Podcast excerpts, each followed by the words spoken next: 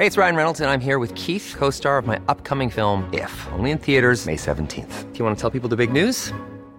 All right, I'll do it. Sign up now and you'll get unlimited for $15 a month in six months of Paramount Plus Essential Plan on us. Mintmobile.com slash switch. Upfront payment of $45 equivalent to $15 per month. Unlimited over 40 gigabytes per month. Face lower speeds. Videos at 480p. Active Mint customers by 531.24 get six months of Paramount Plus Essential Plan. Auto renews after six months. Offer ends May 31st, 2024. Separate Paramount Plus registration required. Terms and conditions apply if rated PG. Everyone knows therapy is great for solving problems, but getting therapy has its own problems too like finding the right therapist, fitting into their schedule, and of course, the cost.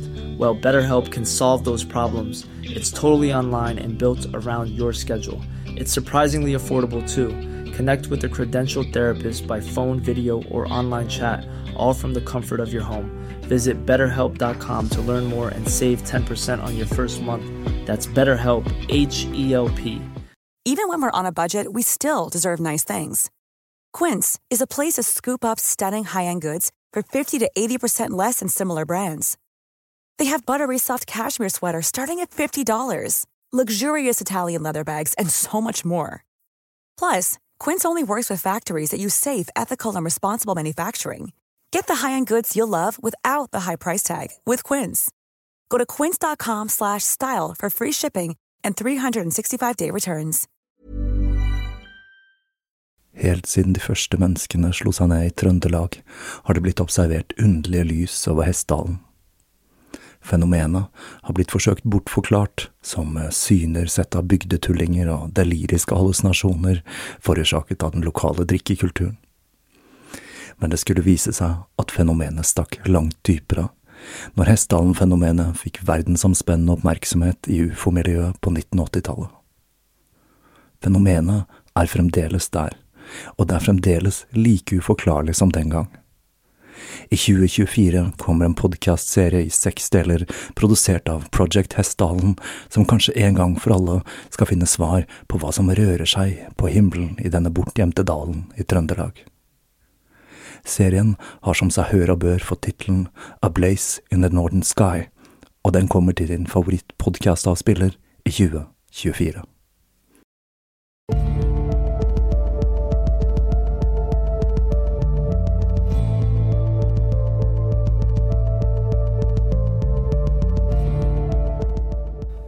Hei og velkommen til Tåkeprat. Jeg heter Even, og når jeg tar opp denne episode 151, så er det den 11. januar 2021. Da var vi altså i gang med den første episoden i 2021. Og jeg må jo si at dette året allerede har sparket ifra med stormingen av det amerikanske senatet. Og jeg må si jeg håper at resten av 2021 blir litt mindre dramatisk og litt nærmere normalen enn 2020. Men nå skal vi langt vekk fra det politiske klimaet og korona, og se litt nærmere på noe helt, helt annet. Som jeg nevnte i Juleprat 4 i forbindelse med filmen The Phenomenon, så er ufo-fenomenet i vinden igjen. Dette har en tendens til å gå i bølger, og jeg husker selv hvordan X-Files var med å sparke i gang en ufo-bølge på 90-tallet. Det er litt feil å beskrive dette som ett fenomen, for vi finner flere ulike typer som det godt dokumenterte lysfenomenet i Hessdalen, og observasjoner av objekter som tilsynelatende beveger seg på en måte som ser ut til å utfordre fysikkens dover, til de som hevder at det finnes rester etter utenomjordiske farkoster etter hendelser som Roswell, til det ytterste ytterpunkt med de som hevder at vi allerede er i kontakt med utenomjordiske vesener, og som har gjort det hele til en religion. I denne episoden skal vi dykke litt dypere ned i den ytterste ytre grensen av ufologien, og ser litt nærmere på en person som er en slags helgenfigur for mange som beveger seg i dette ulne landskapet. Jeg har blitt tipset om Maria Orsic. Dette er en dame jeg visste svært lite om, og det skulle vise seg at det ikke er så veldig rart, for det er slett ikke klart om denne damen i det hele tatt har eksistert. Alle dokumenter som etter sigende kunne ha bekreftet at hun eksisterte, er nemlig beleilig nok søkk vekk. For å finne ut mer om mytologien rundt denne damen, så gikk jeg til anskaffelse av hva som viste seg å være de to dårligste bøkene jeg noensinne har vært borti, nemlig Maximilian de Lafayettes biografi i to bind og Maria Orsik. Maximilian de Lafayette, som jeg vil tippe er et kunstnernavn, er en selvutnevnt ekspert som har dukket opp i flere TV-serier, som Ancient Aliens, og har gitt ut et ras med bøker. Hele 2500 bøker, faktisk, i tillegg til 22 ordbøker og 9 leksikon. I løpet av biografiene så nevner han titt ofte at han er en ekspert på antikke språk, som blant annet sumerisk og asyrisk. Og på Amazon kan vi til og med lese at han er utdannet advokat. Hjelpes. Disse bøkene er noe av det mest irriterende jeg har lest. Bare tegnsettingen alene er nok til å drive en stakkars leser til galskap. Halvparten av bøkene er kulepunkter, og som ikke det var nok, så har han nummerert kulepunktene noen steder og brukt bokstaver andre.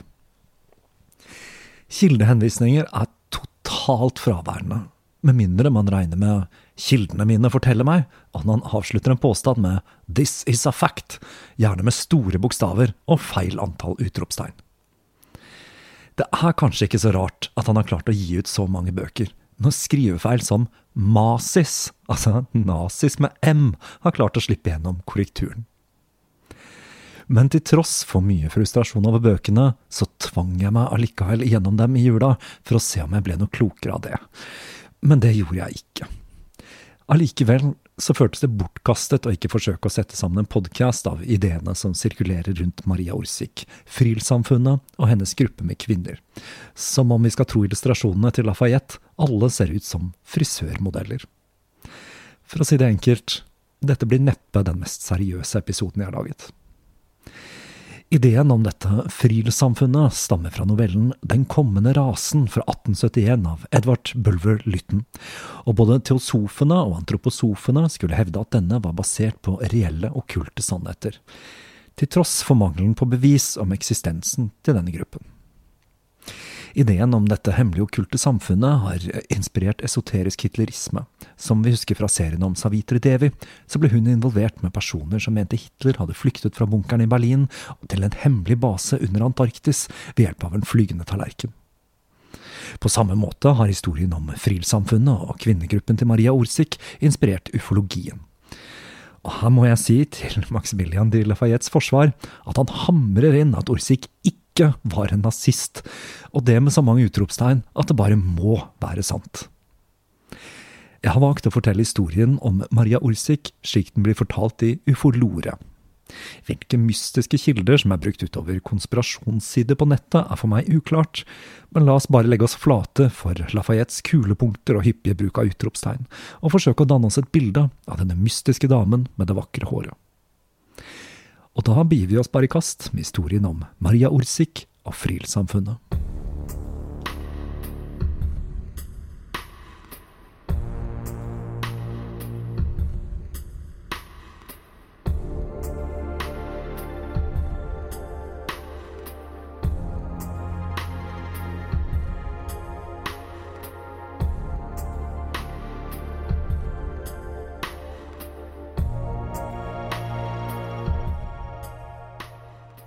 Marias far, Tomislav Orsik, ble født i Zagreb i Jugoslavia. Han var en arkitekt, og skulle etter hvert emigrere til Tyskland på jakt etter lykken. Under en tur til Wien møtte han en ung ballerina, Sabine. De to forelsket seg og giftet seg like etter. Sabine ville først ikke flytte fra Wien, som med sin opera og ballett var det beste stedet for henne for å oppnå sin drøm om å bli en kjent ballerina. Men siden Tomislav ikke klarte å finne en jobb i byen, sa hun seg til slutt villig til å flytte til Berlin. Men før den tid så fødte hun en datter. Den 1. desember 1898 ble Maria født, og seks måneder senere flyttet de til Baden-Baden, hvor de bodde i ni måneder før de flyttet til en leilighet i Wilhelmstrasse i Berlin. For å gjøre det enklere å skaffe seg en jobb, så skiftet faren navn fra Tomislav til Thomas. Maria hadde en helt vanlig oppvekst, og i 1915, når hun var 17 år, så fullførte hun grunnskolen. Men så, når Maria var 19 år gammel, så skulle det skje noe som skulle snu livet hennes opp ned. Lørdag den 10. februar 1917 falt hun i en komalignende tilstand, som varte i flere timer. Når hun våknet, så begynte hun å fortelle moren om hva hun hadde sett i transen. Hun sa at hun hadde sett høye lysvesener fra en annen verden, og at de hadde sagt at, skulle, at de skulle komme tilbake når hun begynte å føle seg bedre. De to vesenene hadde snakket på et språk hun ikke kunne forstå, Og hun var så preget av hendelsen at moren valgte å ikke snakke mer om det den dagen. Dagen etter, søndag den 11., falt hun igjen i transe. Denne gangen fortalte vesenene at hun snart ville få en viktig beskjed, og at hun ikke måtte fortelle om dette til noen andre, bortsett fra andre mediumer. Til tross for at hun hadde levd et helt normalt liv, så kjente hun nemlig allerede til damene som skulle bli kjernen i kvinnegruppen hennes. Traute, Gudrun, Sigrun og Heike, som jo alle så ut som frisørmodeller. Etter hun våknet fra transen, så oppsøkte hun dem, og de fortalte henne at de allerede hadde blitt fortalt om at dette kom til å skje, og at Maria kunne ta det helt med ro. Mandag den 19. februar skulle hun igjen få kontakt med vesenet, og denne gangen fikk hun en direkte beskjed. De kunne fortelle at de var fra Aldebaran, eller Alfa Centauri, et solsystem 65 lysår fra jorden i stjernebildet Tyren. Vesenene kommuniserte med henne telepatisk, og hun fikk en beskjed på anak, språket til vesenet fra Aldebaran, som har et nært slektskap med sumerisk og akadisk. Her er det kjekt at Maximilian de Lafayette er en kløppe på språk, og har gitt ut ikke bare 22 ordbøker, men tre bind om hvordan man skal føre en samtale på anak, om man skulle befinne seg i en situasjon der man har bruk for språket, som ikke bare blir brukt på Aldebaran, men også er språket til anunnakiene. Maria fikk to beskjeder. Den ene dreide seg om metafysiske åpenbaringer om dualiteten til Bnin og Binat, samt historien til menneskeheten og ting som Atlantis og Lemuria, skapelsen osv. Den andre beskjeden, og den vi skal fokusere mest på, var tekniske data og hvordan man skulle bygge en flymaskin, Fril. En farkost som i oldtiden var kjent som en mekkaba, eller en vogn. Utfordringen var at disse dataene var på et språk hun ikke forsto. De var kompliserte og utenfor hennes ekspertise. Det var også vanskelig å lære seg å høre og se telepatisk, selv om Maximilian de Lafayette kan betrygge oss med at evnene hennes var tilnærmet perfekte. For å få hjelp til å tolke denne beskjeden, så snakket hun med sin far, som hadde fått seg jobb som ingeniør i Tyskland. Han ba henne skrive ned alt, og ikke minst tegne de tekniske tegningene hun hadde i hodet sitt. I to dager rablet Maria ned det lysvesenet hadde fortalt henne. Dette dreide seg om underlige sirkulære flymaskiner og matematiske formler hun ikke forsto noe av. Faren ble helt perpleks når Maria viste ham tegningene, så han bestemte seg for å ta det med til universitetet i München for å vise dem til professor Winifred Otto Schumann, som han hadde blitt kjent med der. Schumann ble fascinert av tegningene til Maria, og spesielt bruken av tallet 33,33. ,33. Når han spurte henne om hva det betydde, så sa hun det er hvordan vi kommer oss dit, herfra. Professoren forsto ikke helt hva hun mente, og hun forklarte at dette er en tidromlinje som er plassert på den 33,33. ,33 breddegrad, og at portalene til andre solsystemer befinner seg langs denne linjen. Dette er da den 33. parallell som har en tendens til å dukke opp i ymse alternative fora, blant annet i ufo-miljøet. Det var flere vesener som benyttet seg av disse, kunne hun fortelle. Ikke bare lysvesenet fra Aldebaran, men også Anunnaki fra Nibiru, og de grå, som kommer fra Seta Riticuli. Anunnaki er da de som skulle ha tuklet med genene våre for 65 000 år siden og gjort oss til moderne mennesker. Og Maria lærte at Anunnakiene er forfedrene til vesenet på Aldebaran, og det er derfor de har et felles språk. Men historien om Anunnaki og den mystiske planeten Nibiru får jeg heller ta ved en senere anledning. Nå er det vesenet fra Aldebaran som er hovedtema. Sammen med en av frisørmodellene, Sigrun, bestemte Maria seg for å danne en gruppe som skulle utforske den telepatiske kontakten med romvesener. Og de dannet Alle Deutsche Gesellschaft für Metafysikk, med Maria som leder og Traute, Gudrun, Sigrun og Heike som medlemmer. Senere skulle de skifte navn til Frielgesellschaft, og damene ble kalt for Frillrinnen. Her må jeg da spesifisere at ordet fril egentlig, på språket til Anunnaki, uttales vril, men at Maria gjorde en tysk vri på det hele, og valgte å uttale ordet med F, som V på tysk der altså. Gruppen skulle skifte navn enda en gang, i 1941, når Hitler forbød hemmelige samfunn, og det ble hetende Antribetechnischen Werksatten Friel. Denne gruppen skulle ha vært i kontinuerlig kontakt med utenomjordiske vesener fra Aldebaran i perioden 1917 til 1945, før Maria forsvant på mystisk vis. Enten ved å ha blitt drept av SS, eller ved å ha blitt reddet og flydd til Aldebaran. Resten av damene fra Frielgesellschaft forsvant også på det samme merkelige viset. Kanskje de bestemte seg for å starte en intergalaktisk frisørsalong. Hvem vet?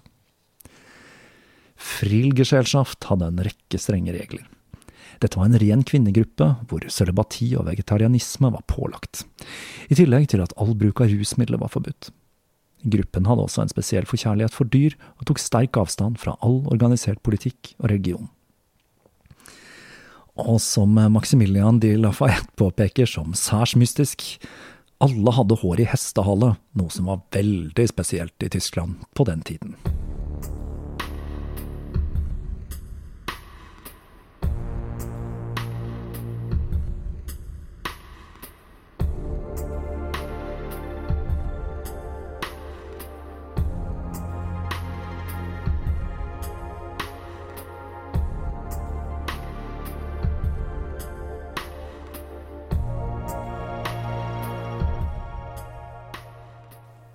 Skal vi begynne å røre inn litt andre okkulte ingredienser i denne sausen. Jeg må presisere at eh, dette er en sammensausing av virkelighet og fri fantasi, og ulike kilder oppgir hvordan dette foregikk ulikt. Men siden jeg har valgt å forholde meg til Lafayette, så foregikk det på den måten her. Samtidig som Maria satte sammen Frilgesellschaft, opprettet læreren til Rudolf Hess, Carl Haushoffer, Bryder des Lichts, eller Brødre av lyset. Fra denne orden oppsto den teutonske orden, eller Germanenordenen, som skulle samarbeide med Schwarze Ritter, eller Den svarte ridderen, Tulesamfunnet og SS-eliten Schwarze Sonne, eller Den sorte sol. Om jeg ikke husker helt feil, så var Den svarte sol det teoretiske intergalaktiske bostedet til arierne enkelte mente Hitler flykter til i en flygende tallerken etter krigen. Men da er vi over i esoterisk hitlerisme igjen, og la oss holde oss til ufologien. Det holder for denne episoden. I tillegg så finner vi en annen esoterisk orden, DHVSS, eller De Herren von Schwarzenstein, som delte den samme ideologien, og som skulle gjøre seg gjeldende i arbeidet med å realisere Marias drøm om å bygge en farkost basert på tegningene hun hadde kanalisert. I 1919 begynte Tulegesjelschaft og DHVSS å utvise en interesse for arbeidet til Frill-samfunnet, og de begynte å involvere seg i arbeidet med å utvikle flymaskinene Maria hadde kanalisert tegningene til, blant annet Jensides flymaskin.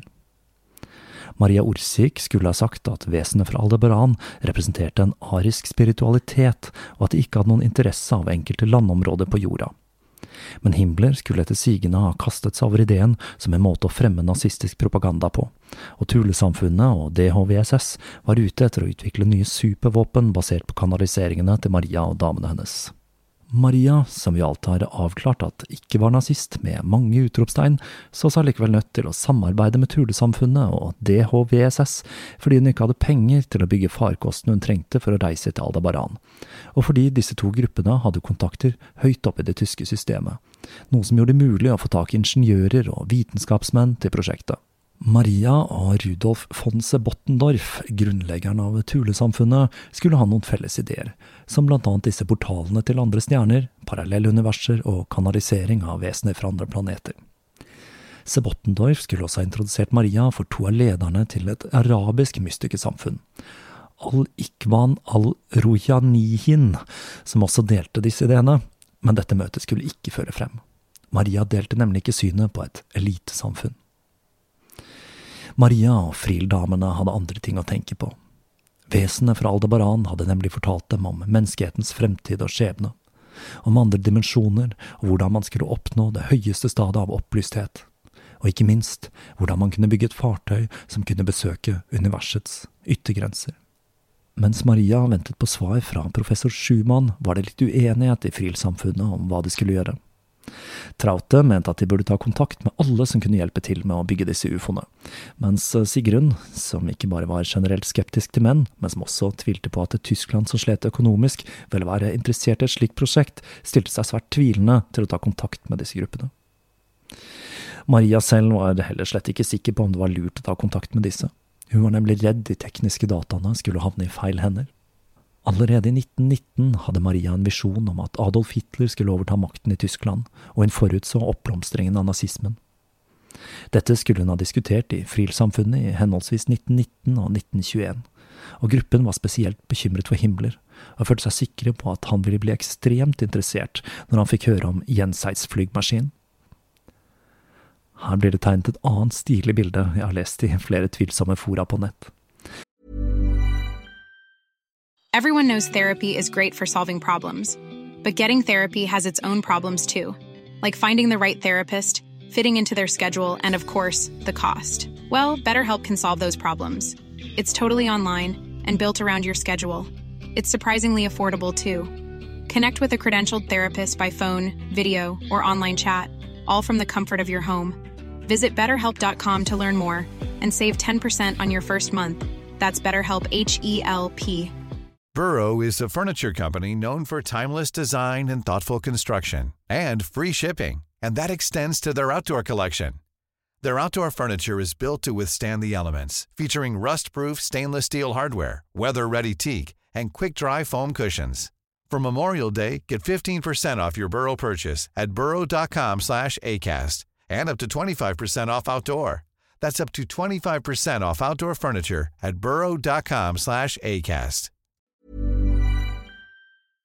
Nemlig at disse damene, med hestehaler og det hele, benyttet seg av en teknikk som heter labyrintkanalisering. Det vil si at de gikk rundt i en labyrint som var tegnet på gulvet, for å bruke dette som en metode for å falle i transe og kanalisere vesener fra Aldebaran. Etter mye trasking i denne labyrinten kom Frildamene frem til at det ikke var noen vei utenom, og at de måtte få hjelp dersom de skulle klare å bygge denne flymaskinen og komme seg bort fra jorden for å sette kursen mot Alfa Centauri. De hadde totalt fem møter med andre grupper, deriblant Tulesamfunnet og DHVSS, i tillegg til en rekke ingeniører, fysikere, politikere og filosofer, og alle møtene fant sted i München. Det første møtet fant sted tirsdag den 16. september 1919. Dette møtet var mellom professor Winifred Otto Schumann og Maria Orsik. De to møttes på en kafé like ved Den tekniske høyskolen i byen. De to diskuterte de tekniske dataene, og Maria spurte om han var interessert i å bygge en maskin basert på disse. Schumann ble litt satt ut av tanken, men han var ikke uvillig. Men han sa at han ville trenge flere data før han ga et endelig svar. Det andre møtet var den påfølgende fredagen. Denne gangen møtte Maria Schumann igjen, og hun ga noen sider som var skrevet på et språk Schumann ikke gjenkjente. Han fortalte Maria at han skulle vise disse til Fredrik Dilic, som var en asyrolog og ekspert på gamle språk. Synd Maximilian de Lafayette ikke var født, for han hadde nok tatt oversettelsen på strak arm. Det tredje møtet fant sted onsdag den 17. desember. Og denne gangen var det ikke bare Maria, men alle Friel-damene, som møtte medlemmer av Tulesamfunnet og DHVSS i et gammelt trykkeri like ved Berchtesgaden, den lille byen hvor Hitler skulle etablere sitt landsted Berghof, og hvor fremdeles Ørneredet tårner mer enn 1800 meter over havet. Møtet gikk bra, men Maria ble litt skuffet når de sa at det kom til å ta lang tid å gå gjennom de tekniske dataene, og de ba doktor Schumann skrive en omfattende rapport om materialet Maria hadde gitt han. Det skulle ta mange måneder før doktor Schumann klarte å sette sammen en rapport. Maria ble nedslått av all ventingen, men Schumann kunne forsikre henne om at alt kom til å ordne seg til slutt. Året etter, i 1920, skulle Maria ha to møter til med en rekke prominente personer som skulle utmerke seg i Nazi-Tyskland, og som hun senere skulle distansere seg fra av deres ideologi. I navnelista her finner vi alt som kunne krype og gå av okkulte nazister som Alfred Rosenberg, mannen som vokste opp i samme by som Ungarn Steinberg, Herman Pohl, lederen for Germane Norden, Rudolf von Sebottendorf, grunnleggeren av Tulesamfunnet, og Theodor Fritsch, en glødende antisemitt og pådriver for Folkersbevegelsen. Og sist, men ikke minst, så finner vi Rudolf Steiner, vår alles favorittpedagog. Jøye meg for noen møter det må ha vært men det fins merkelig nok ingen referater fra disse møtene. Men dr. Schumann skulle ha tatt noen notater, og han skriver at han var usikker på om Jenseits flygmaskin kunne bli bygget, men at konseptet med en implosjonsmotor var noe han kjente til, og at det skulle være teoretisk mulig å lage denne motoren som brukte vann som drivstoff. Han bemerket også at han var bekymret for Marias insistering på at det hele skulle holdes hemmelig. Schumann mente nemlig at dette ville være en umulighet med alle de menneskene som hadde blitt involvert. I tillegg bemerket han at hun ville gjøre lurt i å ikke nevne romvesenenes rolle i det hele, da dette ville gjøre at flere viktige vitenskapsmenn ville trekke seg fra prosjektet. Schumann skulle etter hvert bli mer entusiastisk, når han innså at det ville være mulig å bygge flymaskinen med dataene han hadde fått fra Maria. Dette skulle gjøre jobben med å få andre akademikere med på prosjektet enklere, og i mars 1922 så hadde de bygget ferdig den første prototypen av Jensides flymaskin.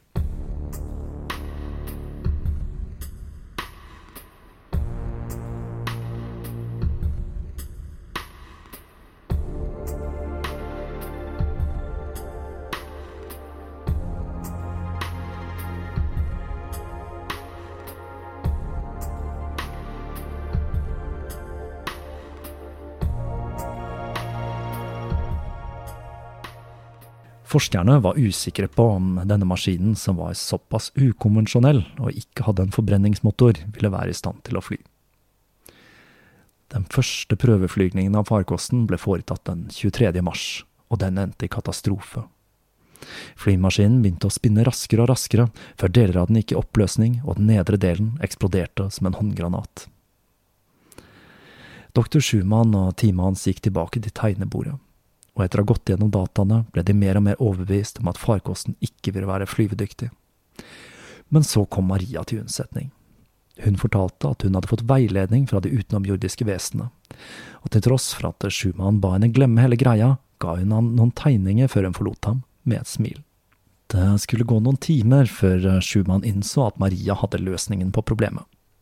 Tegningen hun hadde gitt han, insinuerte at løsningen lå i de elektromagnetiske kreftene i tidrommet og i mental kontroll av farkosten.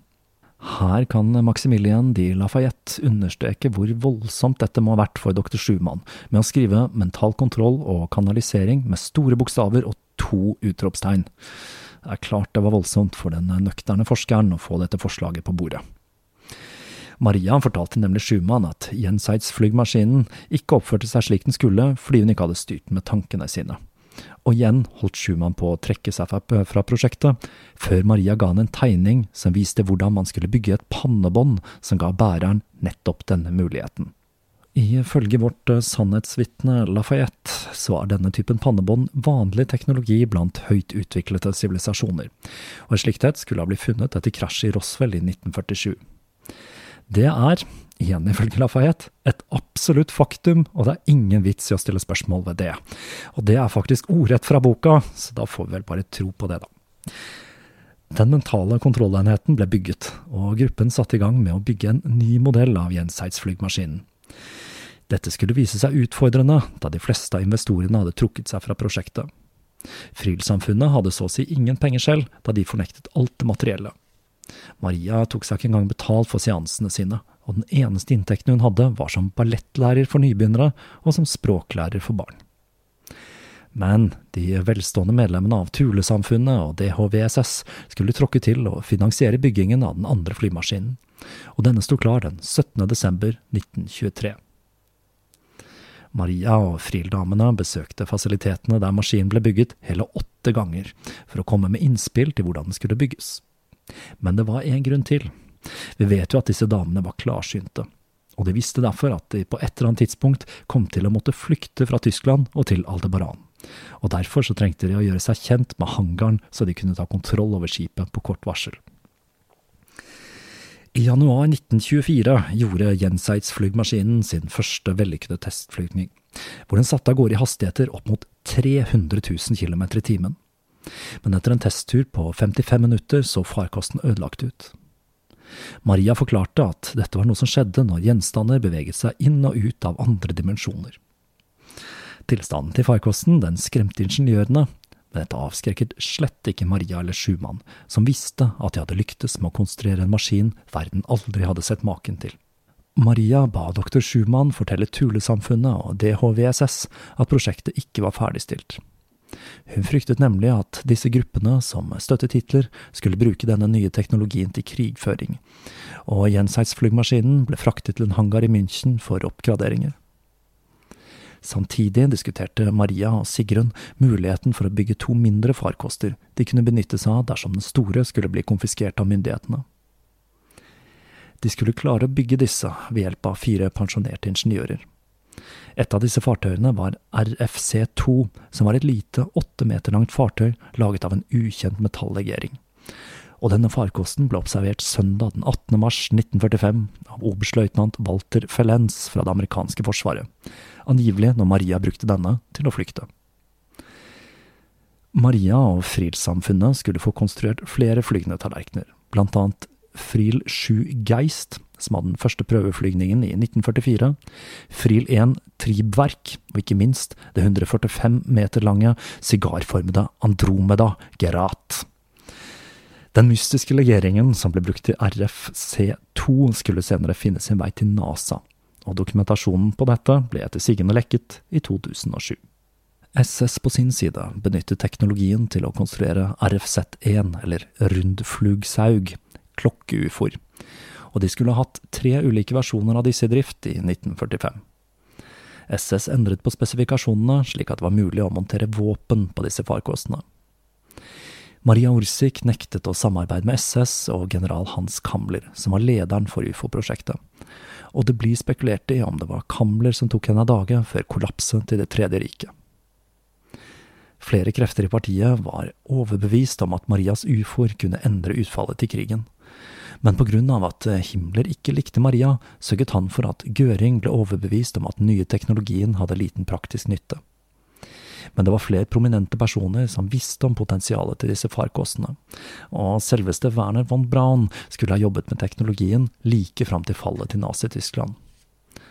Han må det jo nesten nevnes at Aftonbladet publiserte en artikkel den 10. desember 1952 om von Braun sine flygende tallerkener, som skulle ha tatt av første gang i april 1944. I mars 1945 forlot Maria prosjektet. Hun hadde forutsett fallet til Det tredje riket og selvmordet til Hitler, og vesenene fra Aldebaran hadde bedt henne bruke flymaskinen til å fly til den 33,33. ,33 parallell for å bli hentet av moderskipet. Før hun dro, skulle han ha forsøkt å advare Magda Goebel som hva som var i ferd med å skje, men hun trodde ikke på Maria, og med det forseglet hun skjebnen til barna sine. Maria tok farvel med doktor Schumann den 15. mars 1945, og hun fortalte ham at Tyskland ville bli fullstendig ødelagt i 45, men at landet ville gjenoppstå som en mektig nasjon på under 60 år. Hun sa også at hun skulle ønske at hun hadde startet på arbeidet sitt tidligere, slik at det kunne ha vært med på å stoppe Hitler og framveksten til Det tredje riket. Den 17. mars tok Maria og Friel-damene over den flygende tallerkenen, og søndag den 18. mars 1945 forlot de Tyskland og dro til et ukjent sted. Og med det forsvinner Friel-damene ut av historien. Vi kan forestille oss hvordan de dro gjennom stjerneportalen og videre til Aldabaran. Nå er vi så heldige at Maximilian de Lafayette har gitt oss en beskrivelse av hvordan det er å komme til Aldabaran. Så det Maria og gjengen hennes opplevde, kan ha vært noe i den stilen her. Det aller første man opplever når man går ut av romskipet, er en følelse av et kvantesprang inn i en verden som virker som om den er fullstendig grå, som om den er innhyllet i en sandstorm. Aller først vil man føle seg uvel og svimmel. Det er den spesielle atmosfæren til planeten som forårsaker dette, og det tar tre dager å tilpasse seg denne. Det første som skjer, er at du blir ført inn i et lyst rom. Der blir du hentet av en skapning som fører deg inn til soverommet ditt. Du blir gitt en behagelig seng, og siden du er ekstremt trøtt, så sovner du umiddelbart. Den neste dagen starter behandlingen. En person kledd i lilla henter deg neste dag og fører deg inn i et rom til et badekar fylt med en akvamarinfarget væske. Personen ber deg legge deg i badet, og kun tenke på farger, aller helst en bestemt farge. Så lar personen deg ligge i badekaret en time, og du merker at badet lukter av en type blomst du ikke drar kjensel på, men du syns det lukter veldig godt. Etter en stund stiger det lys opp fra badekaret som omgir deg som et nett, og samtidig så forsvinner alle smerter og plager du hadde på jorden. Den neste dagen blir du ført inn i en operasjonssal. Her blir du skannet av en laser som viser deg hvordan deler av hjernen ikke er i bruk. Så får du et pannebånd som aktiviserer disse hjernedelene, og som på sikt gjør at du utvikler telepatiske evner. Etter hvert vil du være i stand til å se at planeten kan by på fantastiske farger. Farger du aldri har sett maken til fordi de ikke finnes på jorden. Fargene på himmelen blander seg med de på jorden, og gir en følelse av at himmel og jord går i ett. Etter hvert vil du også oppleve at synet ditt ikke er begrenset til rette linjer, men at du kan se til høyre og venstre samtidig. Etter hvert som synet ditt tilpasser seg, vil du se vakre bygninger, trær og blomster, og overalt vakre, smilende mennesker. Og det er der Maria Orsik etter sigende holder til den dag i dag.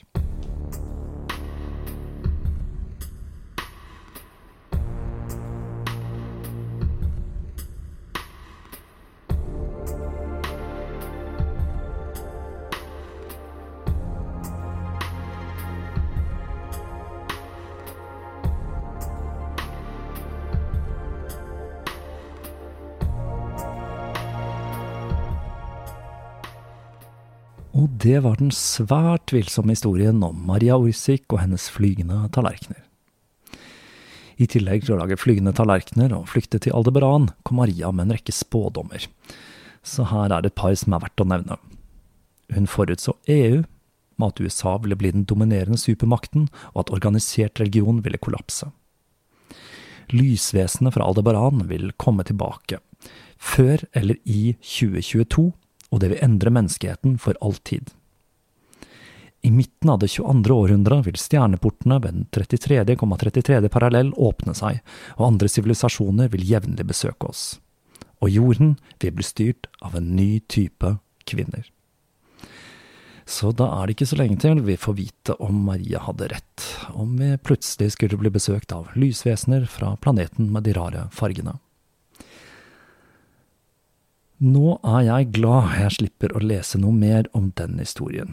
For selv om det er noe unektelig stilig med nazi-ufoer, de gjør seg iallfall godt i underholdningsverden, og det er noen artige historier om ufo-observasjoner under krigen, som Foo Fighters, et ufo-fenomen mange allierte trodde var nettopp et hemmelig tysk våpen, så prøver denne historien tålmodigheten min noe så til de grader. Jeg kan ikke noe for at jeg tenker på hva internett har utrettet i konspirasjonsteorienes verden, med fenomener som Flat Earth og QAnon. Begge som meg bekjent startet som trolling i nettforum som 4chan, og som har spredt seg som ild i tørt gress og i dag har store grupper med tilhengere. Selv er jeg en av de som syns Alex Jones har enorm underholdningsverdi, og på mange måter er et slags kulturelt ikon. Men jeg har filter på når jeg hører på Alex kverne sammen den ekstreme mengden av konspirasjonsteorier han har klart å tilegne seg, og lirer av seg tirader som tidvis er ekstremt underholdende. Det er dessverre ikke alle som har evnen til å filtrere dette, og jeg må si det knyttet seg litt i magen min når Alex Jones nylig talte til en oppklødd mobb med Trump-tilhengere, og fortalte at Trump er sendt til oss fra skaperen av universet. Gud har tydeligvis igjen sendt oss en menneskesønn, denne gangen i form av en lite velartikulert, selvsentrert realitystjerne. Igjen så hadde dette vært utrolig morsomt, hadde det ikke vært for at enkelte faktisk tar dette på alvor, og det har vist seg å få dramatiske konsekvenser i den virkelige verden. Jeg så meg nødt til å gjøre en liten omstokk i vinteren og vårens episoder, nettopp av arbeidet med denne episoden. I utgangspunktet hadde jeg tenkt å se litt nærmere på en dame som også drev med nettopp kanalisering, og som faktisk har eksistert. Men etter å ha tråklet meg gjennom smørja til Maximilian de Lafayette, så følte jeg behovet for å ta en annen retning med hva som blir årets første serie. Så jeg bestemte meg for å ta for meg noe så jordnært som mørk medisinsk, eller nærmere bestemt psykiatrisk historie. Så her er det bare å glede seg for de som syns denne episoden ble noe høytsvevende. Hvem vet, kanskje jeg en gang i fremtiden vil ta for meg en litt mer seriøs del av ufologien, men akkurat nå er jeg mett, fryktelig mett. Men til tross for det, så er det utrolig godt å komme i gang igjen, og jeg ser frem til en spennende vinter og vår med tåkeprat. Frem til neste episode vil jeg takke alle støttespillere av Tåkeprat. Enten du er en patron, har donert, kjøpt noe i nettbutikken eller er en fastlytter. Jeg håper at vi sammen kan få Tåkeprat til å vokse til nye høyder i 2021. Dette året som fremdeles føles som å gå inn i et tåkete og ukjent landskap. Så frem til neste episode er det bare å holde seg fast og se hva 2021 har å by på. På gjenhør.